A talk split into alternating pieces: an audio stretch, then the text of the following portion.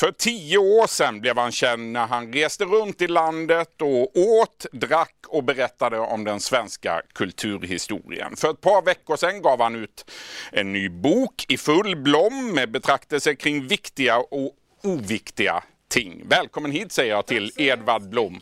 Vad trevligt att vara här.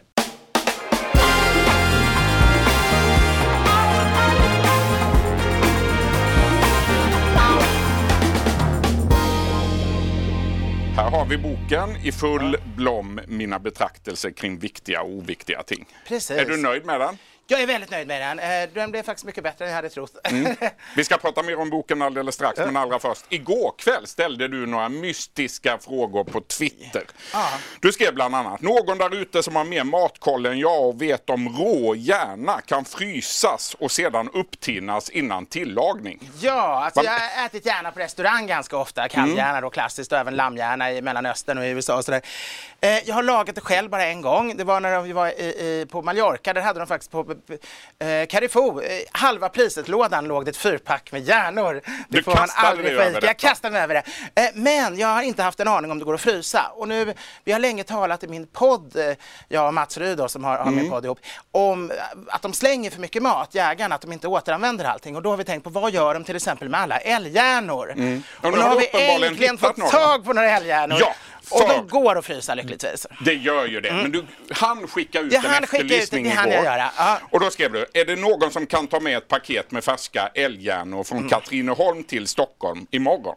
Just det. Och det fantastiska var att det var tre personer som anmälde sig. Menar du Men det? nu valde vi att vänta lite grann. Det har ju också dykt upp den här galna älgsjukan som man kanske Mm. bör skicka in eh, ett litet veterinärprov först innan man äter sin delikatess. En relevant fråga i sammanhanget Mm. är ju då, hur tillagar man egentligen älghjärna? Det går att göra på olika sätt, men jag skulle göra det som lammhjärna. Alltså lammhjärna är ofta, antingen steker man det, skivar, stek, panerar i panko eller så och steker i smör.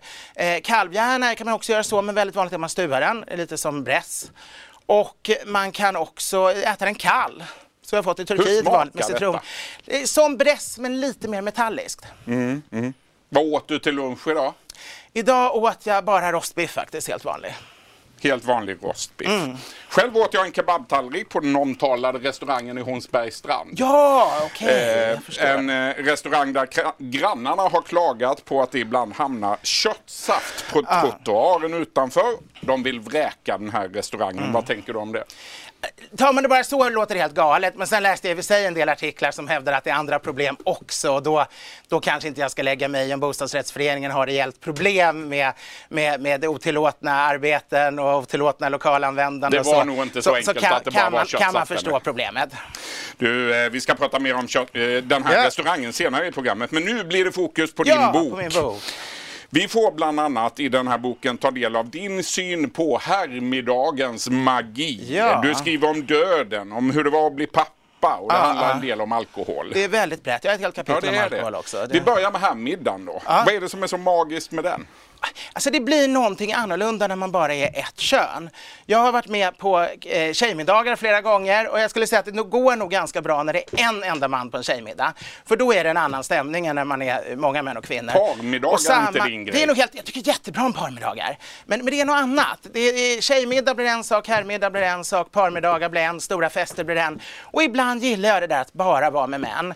Eh, för att det blir, män blir ofta mycket snällare. Liksom. Det är inte den här att man jagar efter att imponera på kvinnor. Det är inte det här att man ska visa sig det lite macho. Utan ofta blir många, många män de blir mer lekfulla och de blir lite mer sådär eh, mjuka mot varandra när det bara är män. Sen finns det andra manliga sammanhang som lumpen och sådär när de istället blir mycket mer vulgära och hårda. Men, men jag tror att man anpassar, män gillar att anpassa sig till en miljö.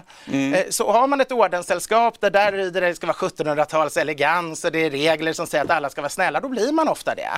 På något vis, män är lite som tyskar, man följer reglerna. Kvinnor är ungefär likadana, vare sig det är den föreningen eller den föreningen eller tredje föreningen. Edvard Blom, döden då? Vad Ja, har du kommit fram till? Är du rädd för döden? Jag är väldigt rädd för döden. Eh, Jag har dödsskräck. Eh, Jag kan ligga vaken på nätten och tro att jag är döende och sådär och har väldigt problem med det. Jag är ju... Hypokondrisk också? Jag är hypokondrisk, väldigt hypokondrisk. Sen är jag ju troende katolik. Jag, jag tror ju på ett liv efter döden, åtminstone för de som, som har varit någorlunda goda. Men, men eh, det kanske ibland bara gör det värre att man nästan är säker på att man kommer leva efter döden men ändå inte vågar vara helt lita på det och, och man vet inte hur det kan bli och på vilket sätt. Och, och så eh, det är inte säkert att man är tryggare för att man är kristen. Sen är man ju kanske tryggare i sitt liv, men just när man kommer till eskatologin kan det vara ganska tufft. Mm. Troende katolik säger du, hur viktig är religionen för dig? Det är det viktigaste i mitt liv överhuvudtaget. Jag beskriver det någonstans här att man kan ju ha en ideologi, man kan ha ett intresse, man kan ha hobby, man kan ha familj och barn men, men, och vänner, men, men, på något vis är man troende då, då är det det allra största. För då tror man att man skapas av Gud hela tiden och att man liksom är som en ljusstråle, om Gud är ficklampan så är skapelsen ljusstrålen och det, det är liksom att, att försöka leva som en god kristen mm. är egentligen det viktigaste. Sen ja, jag gör det inte hela tiden. Man är en, du biktar dig ibland? Jag biktar mig tre gånger om året i vanliga fall. Mm. Jul, det, det finns gång på sommaren. Sig för då. Det finns alltid saker att bikta, men jag är ganska tråkig. Alltså jag har ungefär samma gamla synder. En, en del är väldigt duktiga, de utvecklar sig och får mer och mer avancerade synder och sådär. Jag, jag har... Vad är det för synder du har? Men det kan vara, jag menar min övervikt är naturligtvis en synd att jag inte lyckats komma till rätta med det någonsin. Det, det kan vara lite mycket alkohol vissa perioder och, och, vad kan det mer vara? Att jag inte tar mig tid till vänner som skulle behöva mig, inte ger nog mycket pengar till välgörenhet. Alltså jag ser inte att alla de här synderna är varje gång, men, men det är lätt att falla tillbaks till sådana. Det är klart, det, välgörenhet är ju lätt om man kommer på det, då kan man ju, då är det bara betala. Det är svårare med en hel del andra mm. att hinna, hinna. Ibland, allt kan man inte hinna. Alltså ibland kan det vara lite avvägning. Har, har, var det en synd att jag inte hälsade på den här stackars sjuka släktingen eller hade jag helt enkelt inte tid och var tvungen att vara, jobba eller vara med familjen. Men mm. Det kan vara lite tufft men, men synder finns. Det, är tufft med övervikten säger du. Hur mycket jobbar du för att gå ner i vikt? Ja, det beror på. Jag har ju skrivit ett helt bokkapitel om övervikten men då mm. handlar det ju mer om att inte folk ska hålla på och jävlas med en för att man är överviktig. Den personliga hälsan, ja, till och från i livet jobbar jag hårt på det. Mm. Men samtidigt vill jag, jag, jag är ju inte beredd att avstå från all njutning heller. Jag, Hur mycket jävlas folk med dig för att du är överviktig? Alltså innan jag blev känd var det faktiskt mycket värre. Nu är det mest här på Flashback de skriver och jag håller på att slå vad när man ska dö ungefär. Men, men innan kunde det komma fram totalt främmande människor, äldre damer komma fram på stan och, och börja läxa upp en och, och tro att att man aldrig hade förstått att man liksom, ja det är faktiskt farligt att vara sådär, nu måste du göra någonting åt det och, och, mm. och, det handlar bara om att gå en kvart varje dag så går du ner i vikt. Liksom. Ja, men jag går ju en timme varje dag, det är inte så enkelt. Men, men, men folk kan ofta lägga sig väldigt mycket. Det låter vidrigt att folk spekulerar innan du ska dö. Ja, det, det, är vidrigt. Det är vidrigt. Det, är det... du inne och läser sånt? Nej, det borde jag inte göra, eh, men ibland gör jag det. Ja. Nej, det borde du inte det göra. Borde jag inte göra. Det du, eh, alkoholen då? Eh, alkoholen beskriver jag också. Jag skriver ett helt kapitel om det också. Ja. Det... det säljs viner i ditt namn sedan flera år tillbaka. Ja. Vad har du för relation till alkohol? Jag älskar alkohol. Jag inser ju att den har många faror, många biverkningar för många människor. Eh, det är också något som kan skada kroppen naturligtvis, men samtidigt så skänker den ju en otrolig glädje. Eh, allting blir ju bättre med lite alkohol. Eh, det är inte så roligt att sitta och tala med främlingar eller tråkiga affärsbekanta, men med lite alkohol blir det ganska roligt. Sitter du med dina närmsta vänner eller familjen så är det alltid trevligt, men med vänner blir det helt fantastiskt. Kan du förstå att en del man... nykterister blir oerhört provocerade när de hör dig nu? Jag tycker egentligen inte det. För att om, om, de, om de trodde att det, de är ju experter på allt det negativa med alkoholen. Och, och, tror de verkligen att folk skulle trots allt det negativa ändå dricka om det inte fanns något positivt? Det, det, är helt uppenbart att det finns positivt, annars skulle folk inte dricka. Sen kan man komma fram till, är det mer positivt eller mer negativt? Jag konstaterar att jag nog tycker man ska dricka. Och jag tror Gud också tycker att vi, vi faktiskt vinet är någonting gott i små mängder under viss kontroll och mm. inte låta det ta över. Edvard Blom, jag läste någonstans att du har inte ätit socker på 20 år. Stämmer Nej, det stämmer. Det stämmer. Alltså jag har väl någon, men i princip inte. Jag, jag slutade, jag började inte följa... medvetet i alla fall? Eh, ja, alltså jag började följa metod Montignac för 20 år sedan och då lade jag av med socker. Men i början kunde jag fortfarande ta ett glas punch någon gång om året, en tårtbit på ett bröllop eller så. Sen fick jag diabetes för en 7-8 år sedan och, och, då måste jag hålla ännu striktare diet för jag försöker kostbehandla det. Mm, så mm. numera, nej extremt sällan, men ja, eh, sitter jag som eh, domare i en tv-program, då tar jag en bit om jag måste prova någonting för att kunna ge ett utlåtande. Eller nu senast var det faktiskt en pepparkaksfabrikant som bad mig att jag skulle pröva hans pepparkakor. Jag åt en, spottade ut överskottet. Det var en god pepparkaka. Jag kunde avgöra smaken, mer än så behövdes inte i munnen. Men... Du, för ett par veckor sedan, då var det bokmässa i Göteborg. Ah, du var självklart där. Eh, du la ut en bild på ditt Instagramkonto på en hamburgare och så skrev du att eh, du hade hamnat på en vegomiddag. Ja! Det var en hård prövning skrev du tydligen. Ja. Eh, nu ska ju inte syna eh, given häst i munnen. När jag är hemma hos vänner och de är vegetarianer mm. så skulle jag aldrig klaga. Men, men det här är lite grann, du vet sådana här officiella saker, lite grann är det som man jobbar väldigt hårt i flera dagar utan någon riktigt arvode och så bjuds man på en fin sån här bankett och det ska lite grann... Och det är lite som en del av ett arvode. Ja, jag känner väl lite grann att det... Jag tycker inte vi ska normalisera vegetariska middagar och jag tycker att man ska inte tvingas in i en sorts politisk PK-manifestation om man bara vill ha en trevlig middag och äta och dricka gott. Nu ska jag säga det var fantastiska viner och det var fantastiska människor så jag hade en trevlig kväll.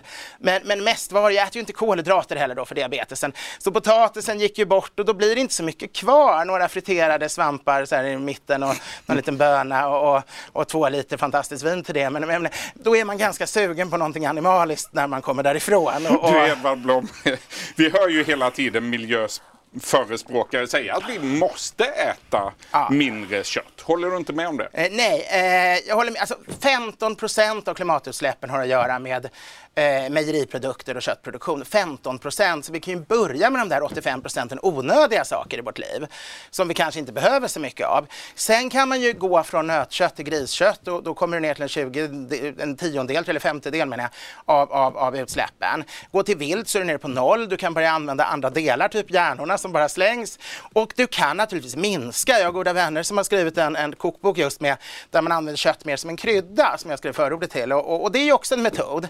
Men eh, ja, hur mycket tänker du för egen del på miljö och klimat? Jag tänker ganska mycket på det. Är absolut. du klimatsmart?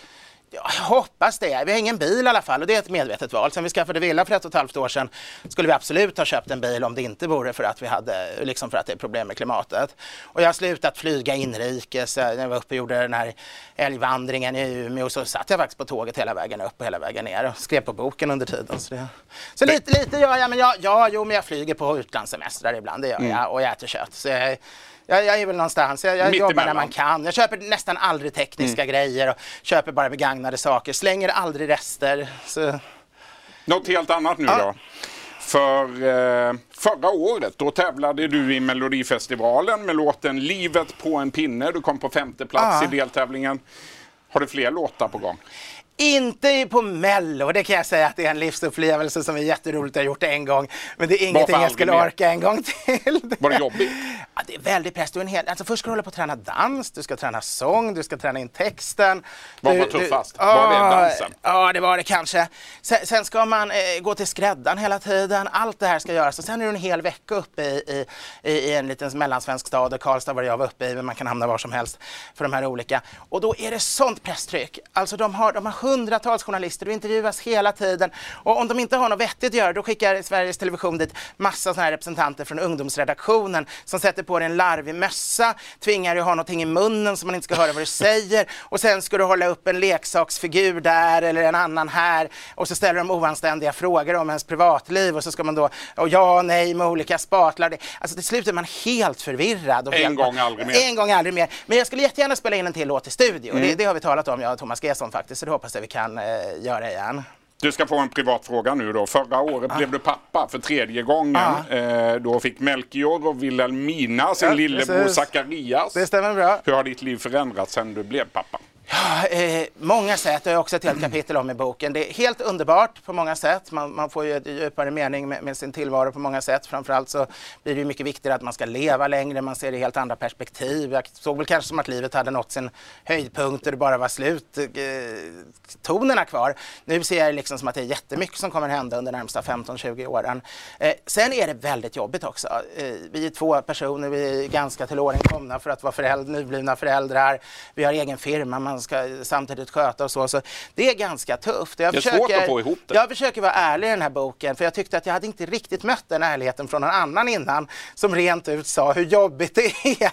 Det är svårt att få ihop det och, och ibland är det, tänker man att det här går inte. Man kommer inte psykiskt klara det, man kommer inte fysiskt klara det, man, man är helt förstörd. Men, men sen kommer det in i bra perioder. Det, är så här, det, det, kan vara om det är två månaders trotsperiod, då, då, är man ju efter det, tror man liksom nej, nu är livet slut ungefär. Sen plötsligt är de hur gulliga som helst i några månader och, och då är det inget problem. det var en tuff kamp också för dig och Gunilla ja, innan det, det var, ni blev föräldrar. Kan du berätta Det tog väldigt lång tid eh, utan att vi fick några barn. Och vi, vi gjorde lite sådana här olika metoder och så som in, inte blev någonting. Eh, och eh, sen hade vi fått konstatera att vi nog inte skulle kunna få barn enligt läkarna. Och då försökte vi med adoption. Och man betalar ju massa avgifter, man går massa på obligatoriska kurser, man, man eh, får, eh, alla anhöriga måste skriva rekommendationsbrev, så man måste tala med alla när om ni har det. gått igenom allt detta, Allt då? det här, då fick vi ett nej. Och det var alltså inte, det, det kom först när det var dags för att rent praktiskt börja försöka kontakta länderna och få verkligen, då får vi veta att, att, att jag har för hög vikt för att få adoptera. Eh, och, och det är inget de går ut med i förväg, för grejen är att det är ett beslut som tas av, av Socialstyrelsens etiska nämnd, medicinsk etiska nämnd. Men deras beslut är bara rådgivande och därför står det ingenstans att man inte får adoptera om man eh, väger över ett visst BMI. Det står överallt att man inte får göra det från Kina och vissa länder har de reglerna. Men inte allmänt i Sverige. Men grejen är att på pappret är, är det fritidspolitikerna i kommunnämnden som bestämmer, men de går aldrig emot den här eh, då experterna Hur kändes det att få ett sånt Socialstyrelsen. besked? Du, du väger för mycket för att få adoptera ett barn. Alltså, jag blev ju oerhört ledsen för att jag inte skulle få ett barn. eh, Och, och, men det var min personliga sorg. Och den kunde jag bara, om det var från början de sagt Nej, men med så hög övervikt och hög ålder så är det bättre att andra kan adoptera. Då skulle jag ha tagit det. Jag skulle ändå varit ledsen och inte fått barn hela livet. Men, men jag skulle absolut tyckt, ja, men det är väl ett förnuftigt beslut, det kan jag köpa. Det var behandlingen, att de lät oss tro, eh, istället för att liksom, eh, åka bo utomlands några år, istället för att skriva en bok så la vi all vår energi på planering av adoption som inte blev någonting sen. Och det, det har jag svårt att förlåta. Det måste jag säga att det är någonting och det drabbas folk av hela tiden.